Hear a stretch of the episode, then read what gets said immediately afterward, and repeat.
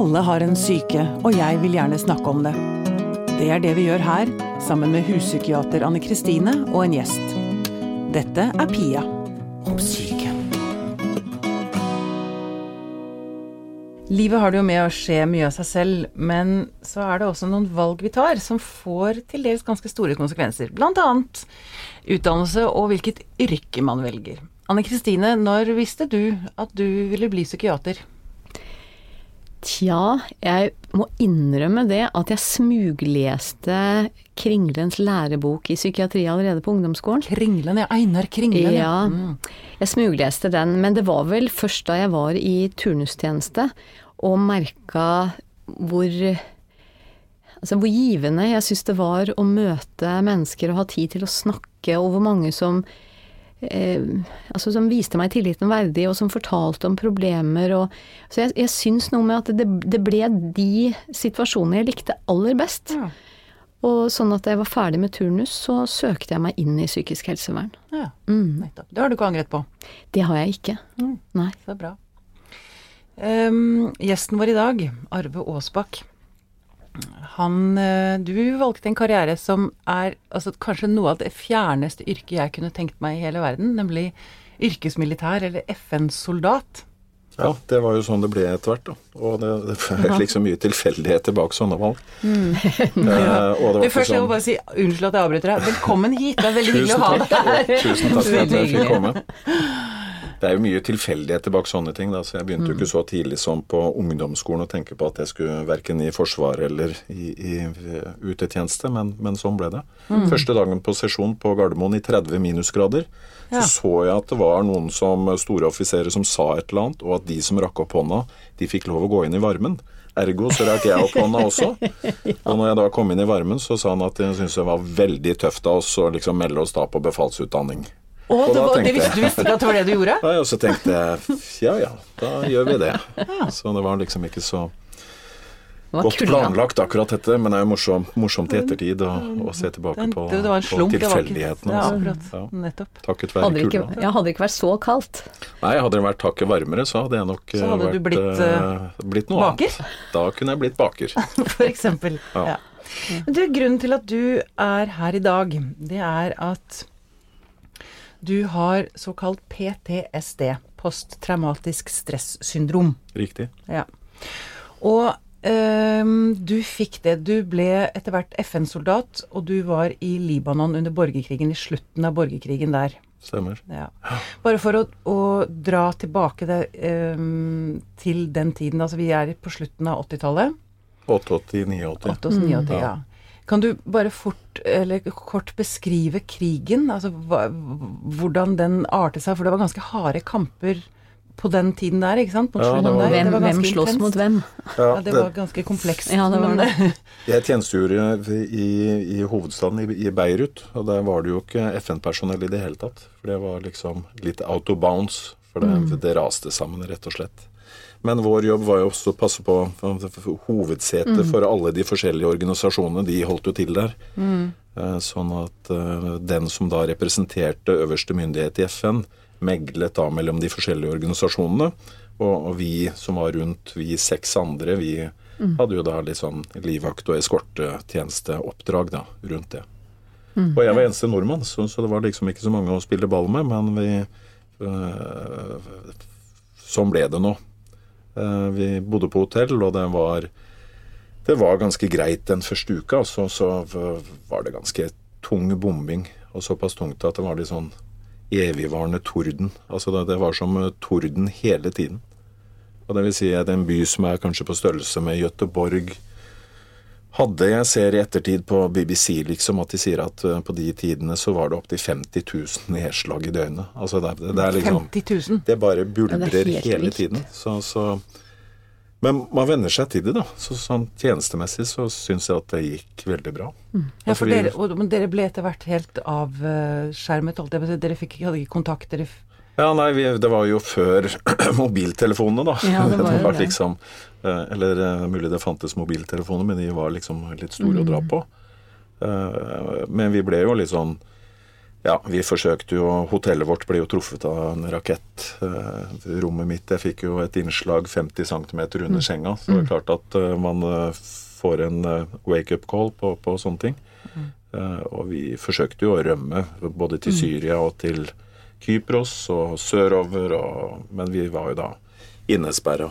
eh, og uten kontakt med de rundt. Så, og så var det jo rett og slett litt dårlig med bensin og mat og, Ja, vann ja, og litt sånne livsnødvendige ting, da. Veldig likt mye av det som skjer i Syria, ja, tenker jeg. Ja, nettopp.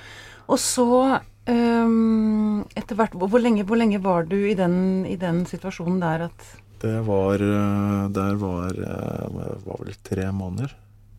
Tre måneder. Ja. Det er en ganske lang periode. Det er en lang periode, ja. Ja. Men så, så ble dere løftet ut, hentet ut.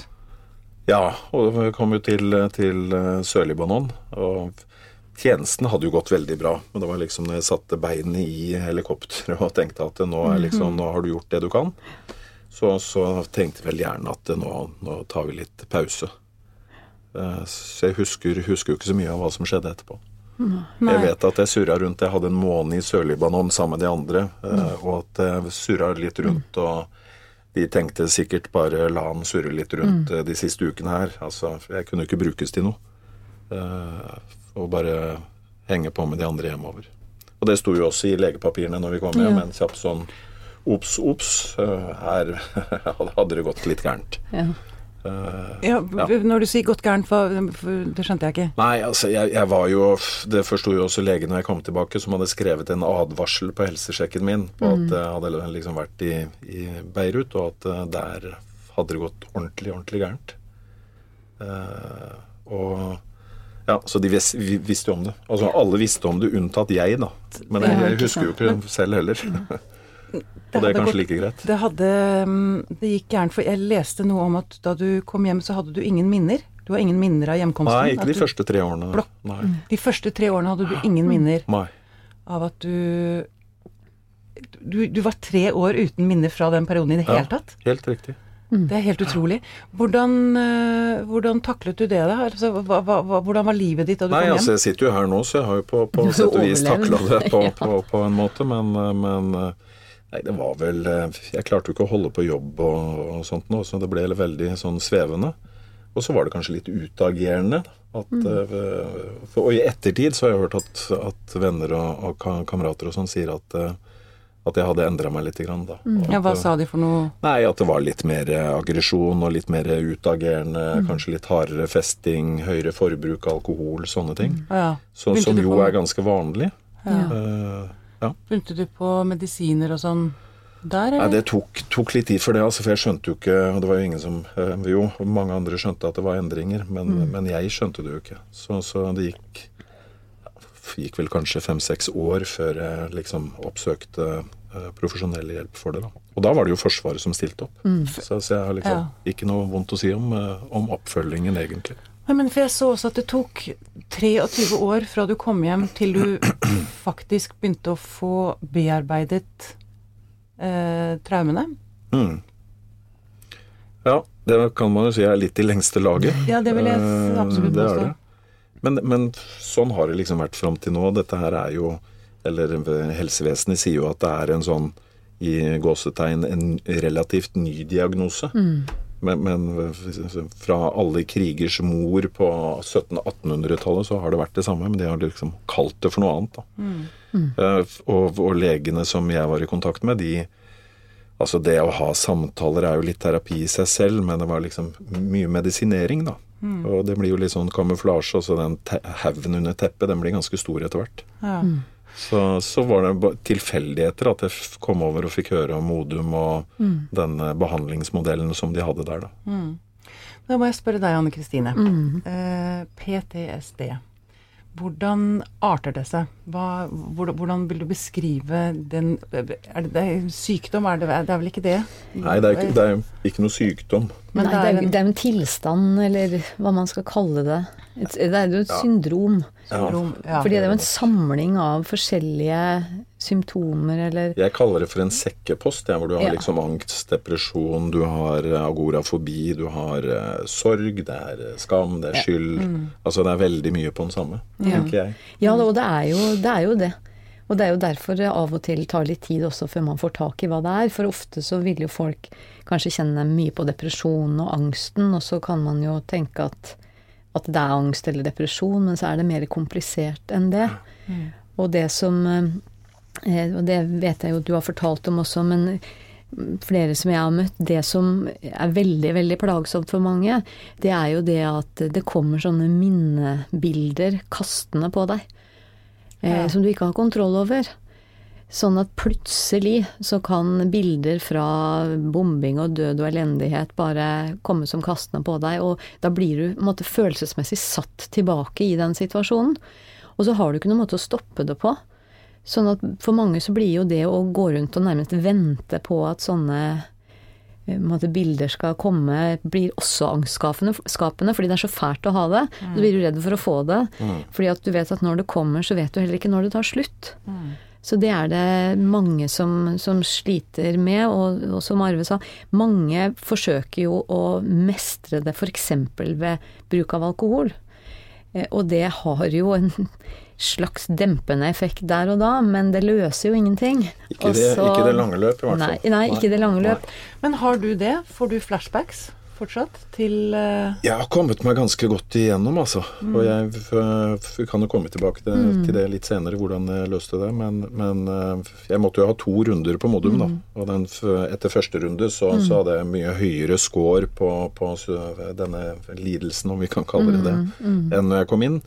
Eh, og det, det betyr bare at noen er liksom mer komplekse Mm. eh, eh, i sykdomsbildet enn en andre. At du trenger lengre tid. Ja. Hvordan opplevde du eh, Modum Bada? Hva, hva, hva gikk terapien på, liksom?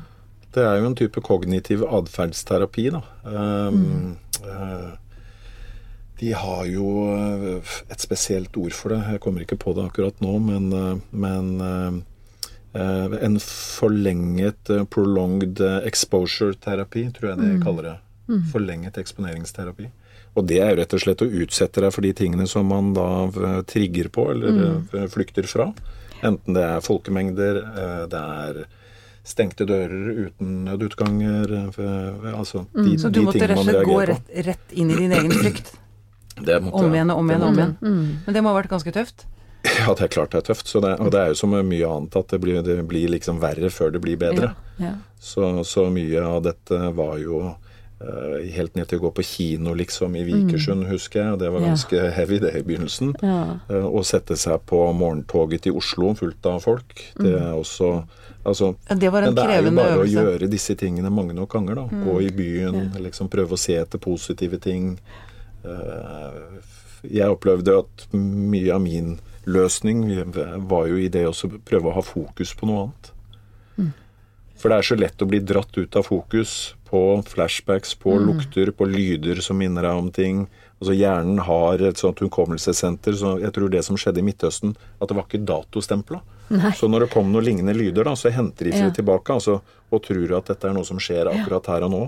Uh, og, og man kan jo le litt av det i ettertid, men jeg hørte jo liksom hver eneste dag på Modum, så sa jo disse sykepleierne og legene at det, er nå dette er helt nødvendig, Arve? Altså, nå er vi i 2012, eller øh, hva det var for noe.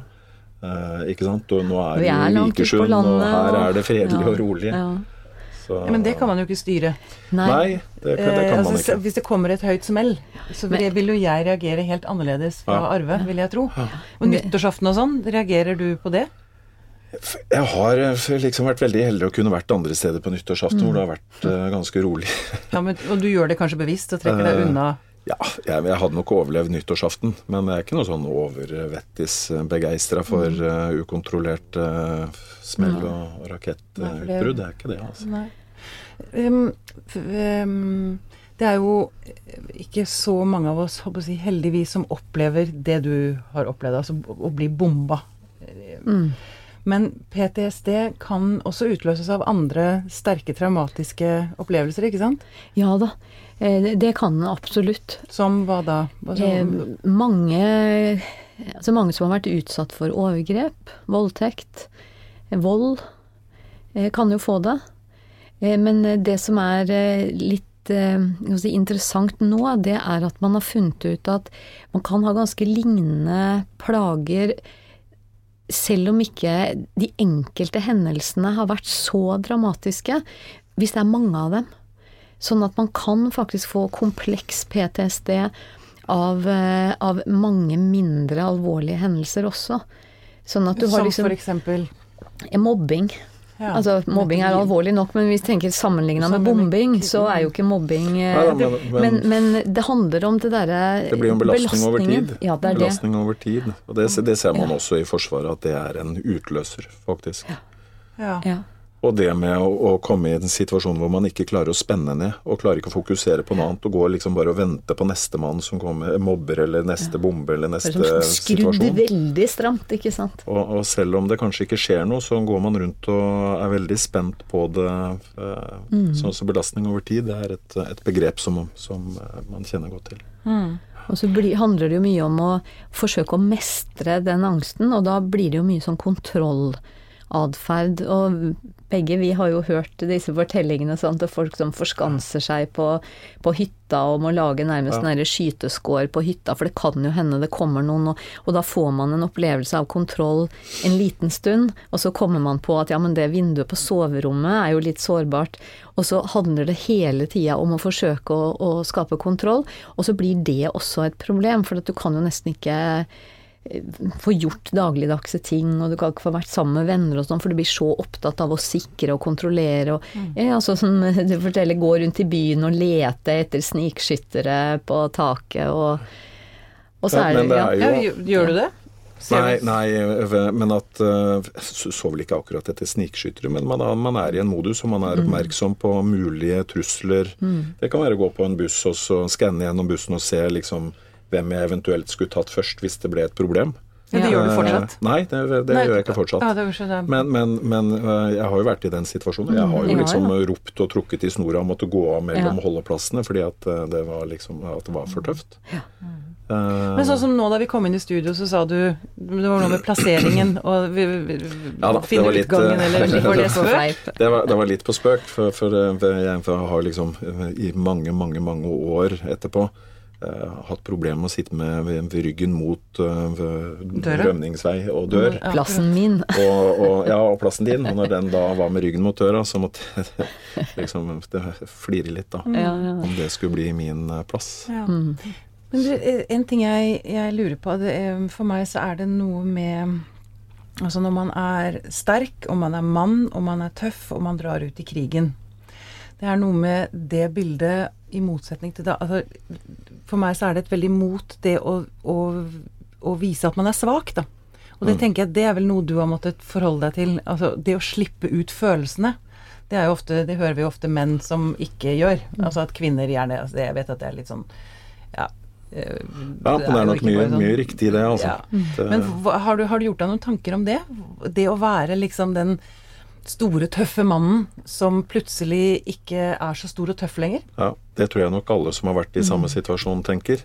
Uh, og at det, at det, er et hinder. altså det, mm. uh, Hadde man lagt bort den, eller kommet over den med en gang, litt sånn åpenhet og erkjennelsesbit, så, så hadde man jo oppsøkt lege mye tidligere. Men mm. man drar det jo ut i det lengste, fordi oh, at det bryter akkurat. jo litt med, ja, ja, imaget, image, ikke sant. Uh, så man, man, er ikke flink nok til å gå til legen. Altså. Man er ikke flink nok til å, å si til hverandre og, og, i samfunnet for øvrig at denne type lidelser, eller PTSD, er jo tross alt ikke noe annet enn normale reaksjoner på unormale, svært unormale hendelser. Mm, det og det er jo ikke noe å gå med bøyd hue for. Mm. Men dessverre så tar det lang tid da, før man får den erkjennelsesbiten, og, og liksom nå er det bare å og legge kortene på bordet, og så få gjort noe med det. For det kan jo gjøres noe med det.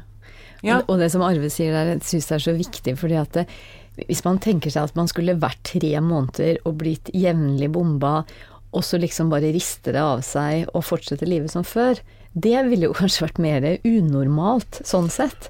Ja, da hadde jeg blitt altså, bekymra på, ja, for det er noe med det at hva, hva, slags sanseapparat har du da, og hva slags, altså, hva slags menneske er du, hva slags følelser har du egentlig?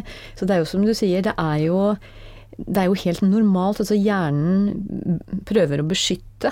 Så det er jo derfor også det er hukommelsestapet som du beskriver. og Det er jo den stakkars hjernen vår sin, eh, sitt Ja, forsøk på å spalte av og koble bort og fjerne seg fra det vonde. Men så kommer det og tar deg etterpå, da, Ja, ikke sant. det er sant. Ja. Det er sant. Men, men eh, Ja, nei, det er, det er eh, Jeg hadde jo tre måneder i, i Beirut, men jeg hadde jo også tre måneder, eller fire, utenom. Så, så tiden man har vært ute, og tiden man har vært i et annet klima, altså varigheten spiller en rolle. Eh, Og så er vi jo ulike alle sammen. Men det betyr at du kan ha ti mennesker som har opplevd samme eh, traumatiske situasjon, og du har ti forskjellige opplevelser av det. Altså, Ja. Man skulle ikke tro de hadde vært på samme sted. Nei. Så dette er veldig, veldig individuelt, altså. Og det er klart at sårbarhet er også viktig å prate om. Ja, eh, men på- er du, er, du, er du flinkere, er du blitt flinkere til det eh, nå, etter det du har vært Jeg, med? jeg syns at jeg takler ting øh, ganske bra. Mm. Øh, tatt i betraktning eh, hvor ille det var Mm. på, på et tidspunkt, da. Ja. Det må jeg si. Um, Ja. I dag så er du rådgiver i Veteranforbundet SIOPS. Skadde i internasjonale operasjoner. Helt riktig. Ja. Kan ikke du bare si litt om hva dere jobber for? Vi jobber jo egentlig for å bli nedlagt. At det ikke er behov for Ja. oss lenger. Og at vi ikke får et eneste medlem til. Men det er jo eh, ønsketenking. Eh, og det er jo sånn som jeg pleier å si at man blir ikke nødvendigvis friskere av å dra i krig. Eh, og da er det greit også å ha noen som sikrer rettighetene til de som kommer hjem, eh, og som kanskje har problemer med å si fra. Eh, Bistå og hjelpe liksom det sivile helsevesen til å fungere overfor disse menneskene. og eh, gi de den anerkjennelsen eh, de fortjener og, og skal ha. Ja. Arva, har- har jo bidratt på kurs nå vet du, til å heve kompetansen hos både leger og psykologer. Fordi at det hersker jo også en del myter omkring dette med veteraner. Akkurat som det er noe sånn veldig, veldig annerledes enn alt annet. Ok, det er annerledes det Altså opplevelsene er annerledes enn mye annet, men reaksjonene Ja. er jo ikke så annerledes enn en andre som har vært utsatt for traumer. Men det, det gjelder å få leger og psykologer til å forstå det. Ja. Men, men det man skal være klar over, det er jo at for de, for de aller, aller fleste så går, går liksom tjenesten bra. Ja. Det, det er ikke en stor eh, mengde med mennesker som blir rammet av det. Men, men det er nok, altså. Og har vi hatt 9000 stykker i Afghanistan, og det er 7% for eksempelvis, så, så er det noen hundre mann som da har ekstra behov for eh, skikkelig helseoppfølging. ja, får de det? Ja, de, de, altså Det har skjedd veldig mye de siste fire-fem årene, vil jeg si, som gjør at situasjonen er dramatisk endra til det bedre. Eh, Men, men jeg tenker at dette er et område hvor du aldri blir god nok til Og du kan aldri bli dyktig nok til å følge opp folk som trenger hjelp. Det er alltid noen man ikke ser. Så, så det er jo fortsatt et potensial, men, men kjempemye bedre enn hva det har vært også. Og det er det jo et aspekt av det, er jo det at det er av og til litt vanskelig for folk i Norge å forstå at Norge har vært i krig. Sant? Fordi at vi har, den har foregått så langt borte. Så derfor så har det også vært litt sånn Det har ikke vært noe sånn stort eh, tema. Så der har det jo faktisk kommet fra, fra myndighetene. Eh, også oppfordringer om at dette må satses mer på. Men det, det, det tar tid, altså. Å forstå det at eh, det er så mange, som det Arve sier, som har vært ute. Og de har kjempa De har vært i krig. Men de samme myndighetene har jo nå sagt, i hvert fall fram til 2010-2012, at vi har ikke vært i krig, vi har vært i krigslignende tilstander. Ja. Og det blir jo ikke noe bedre av å fortelle oss dette. Altså, det gjør ikke det. Man har jo ikke roser i geværløpene, altså hva tror man på? Nei, du har ikke vært ute og lekt. Nei, man har Nei. faktisk ikke det, altså. Men, men den åpenheten som er nå, eh, og at eh, pressen har vært på, på slep og liksom dokumentert hva mm. norske styrker gjør i utlandet, som gjør en er veldig, veldig høyt anerkjent eh, internasjonalt, det, det tror jeg er bra, og det har liksom ført til en oppvåkning i samfunnet. Som, som jeg tror er sunt, og som jeg tror gjør at vi er i stand til å forberede oss bedre. Både sivilt og militært. Ja. Ja. Du, jeg har lyst til, det er- Nå utvider jeg kanskje tematikken veldig, men jeg har lyst til å bare benytte denne anledningen til å snakke litt generelt altså det om stress. Eh, fordi eh, det, sannsynligvis ville jo ingen sett på deg eh, på den tiden på trikken eller på bussen eller hvor som, at, at hva som foregikk inni deg, da. Og når jeg snakker om stress, så tenker jeg ikke på sånn når man flyr hit og dit og skal rekke masse forskjellige ting, men dette indre stresset som veldig mange mennesker har, om det er man er bekymret for økonomien, eller for helsa si, eller for barna sine, eller for Altså det kan være veldig, veldig mye som trigger stress i folk, da. Og jeg merker nå Altså nå har jeg, jeg er inne i en periode hvor jeg øh, er litt usikker på økonomi og fremtiden og sånn, og så begynner jeg å merke bl.a. at jeg har problemer med hukommelsen. Er det vanlig? Veldig vanlig. Jeg blir så redd av det. Ja, ne- ja. ikke sant. Og så blir du mer bekymra. Ja, så blir jeg enda Ja. mer stressa av det. Mm. Men, men det handler jo om det at ikke sant, hjernen eh, prøver, der den sitter inni hodet ditt, å, å beskytte deg, så den prøver jo liksom å sortere bort noe. Mm. Og da blir det jo vanskeligere med konsentrasjon og, og Ja. en del sånne ting. Altså det er, jo, det er jo da man glemmer ting, og jeg har jo sjøl opplevd i stressa perioder at jeg sa toget feil vei. Ja, nettopp. Men for det, ja, Ja. Hva var det du sa? At, at hjernen din prøver å beskytte deg? Sånn at, for, eller jeg tenker at jeg er så opp, Er det det at jeg er så opptatt med det som stresser meg, at jeg ikke har krefter til noe annet, liksom? Er det, Ja, så er det, vi har, Hvis vi tenker oss at vi har, eh, altså har en viss kapasitet da, til å få med oss mm. saker og ting, eh, så reduseres den under stress. Altså det blir sånn at hvis du har et sånn cirka ja, er det, litt over 180 graders syn med øynene til, vanligvis, til vanlig, så kan du tenke deg at den liksom bare smaler seg sammen så du nesten får tunnelsyn. Og sånn blir det oppi hjernen nå. At du klarer ikke å ta inn og vurdere all informasjon sånn som vanlig.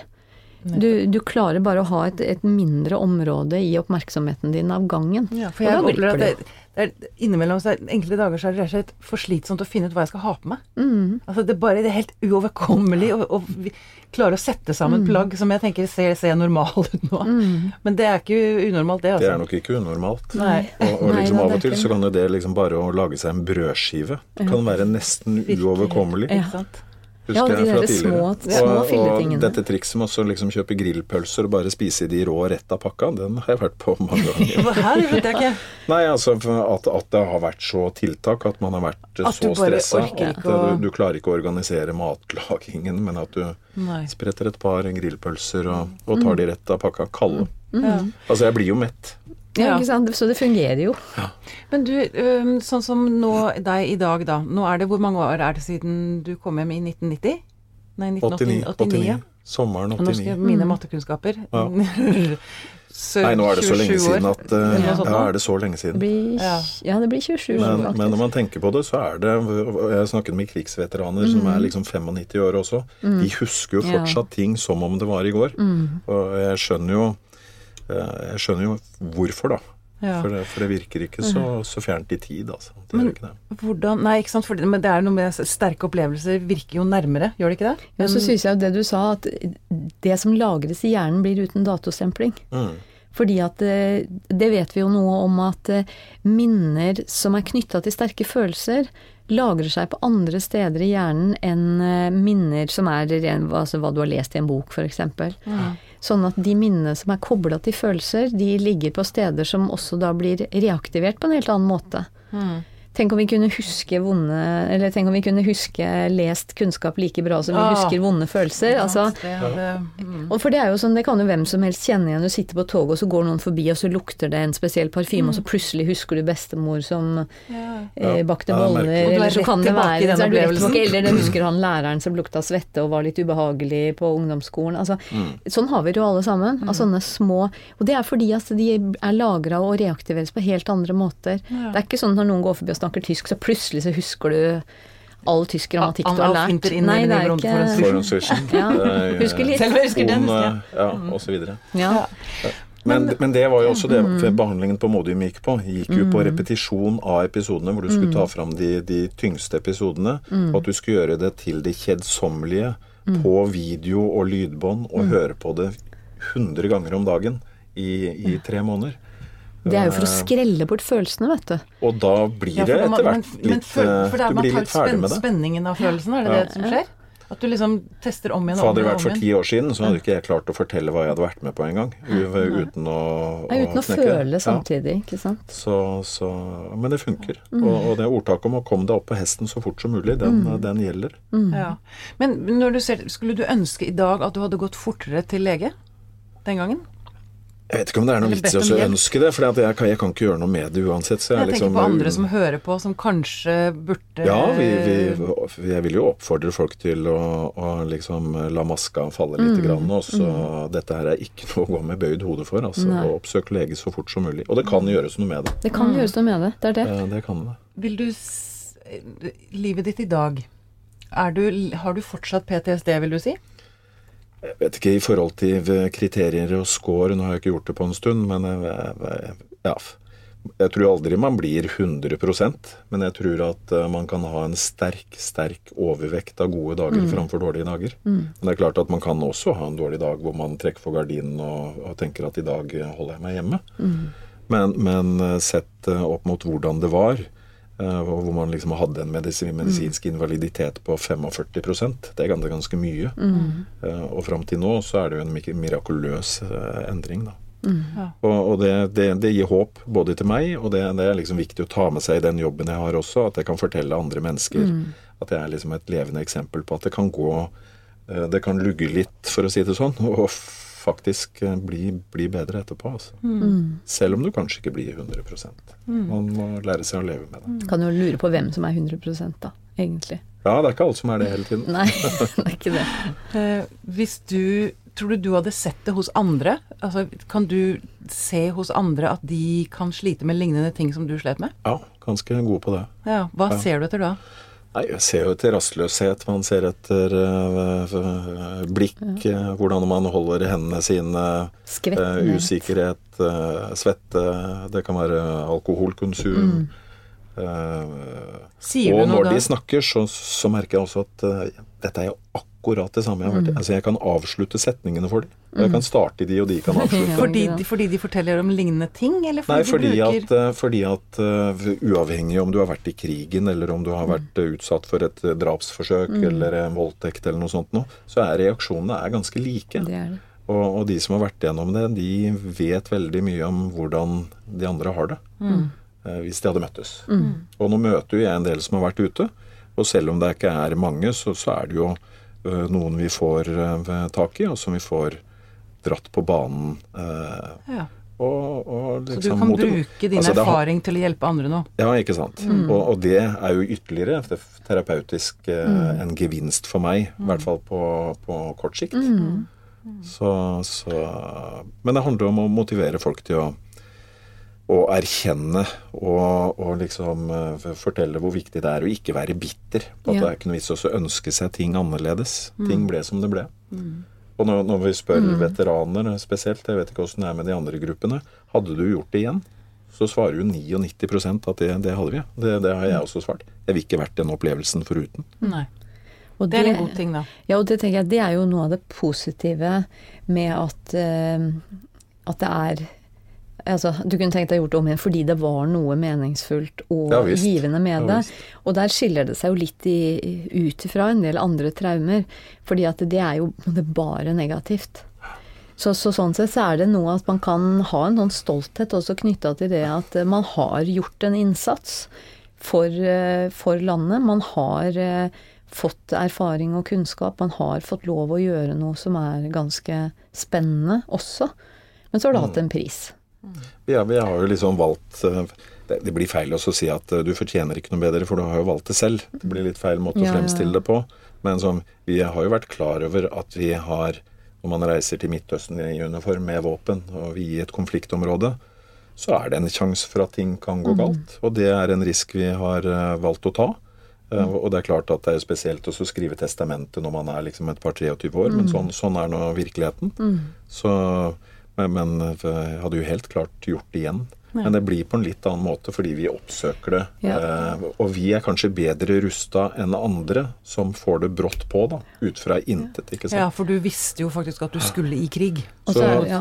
og så er det jo det, i hvert fall nå, så er jo de som drar ut, er jo i utgangspunktet en selektert gruppe òg. Ja, det skal jo Sånn være de beste Sånn at man beste. har jo Altså det er jo i utgangspunktet veldig friske og oppegående folk som drar.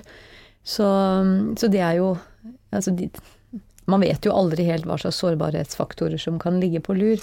Men, eh, men i hvert fall sammenligna med andre som eh, er utsatt for traumer, så er, er man jo ikke selektert på forhånd. Nei, og det kan være tyngre å komme ut av. Det, det er klart. Eller Men du vil si at du har et, et godt liv i dag? Jeg tror nok at ting hadde vært litt annerledes. At jeg liksom hadde hatt familie og barn, eh, og, og at liksom privaten hadde sett litt annerledes ut. Ja. Men nå er jeg jo fortsatt en uh, veldig, veldig ung mann på 49. Ja, ja, ja. Og jeg Bare vet jo at eh, det har skjedd mirakler før. Så jeg, jeg tror jo ikke toget, tog er gått. Men jeg har vel fått en litt seinere start på, på akkurat de tingene enn andre. Da. Ja. Men jeg har, jeg har jo tro på at det kommer. Mm. Uh, ja. Arve Aasbakk, tusen takk for at du kom og fortalte. Tusen takk for at jeg fikk komme.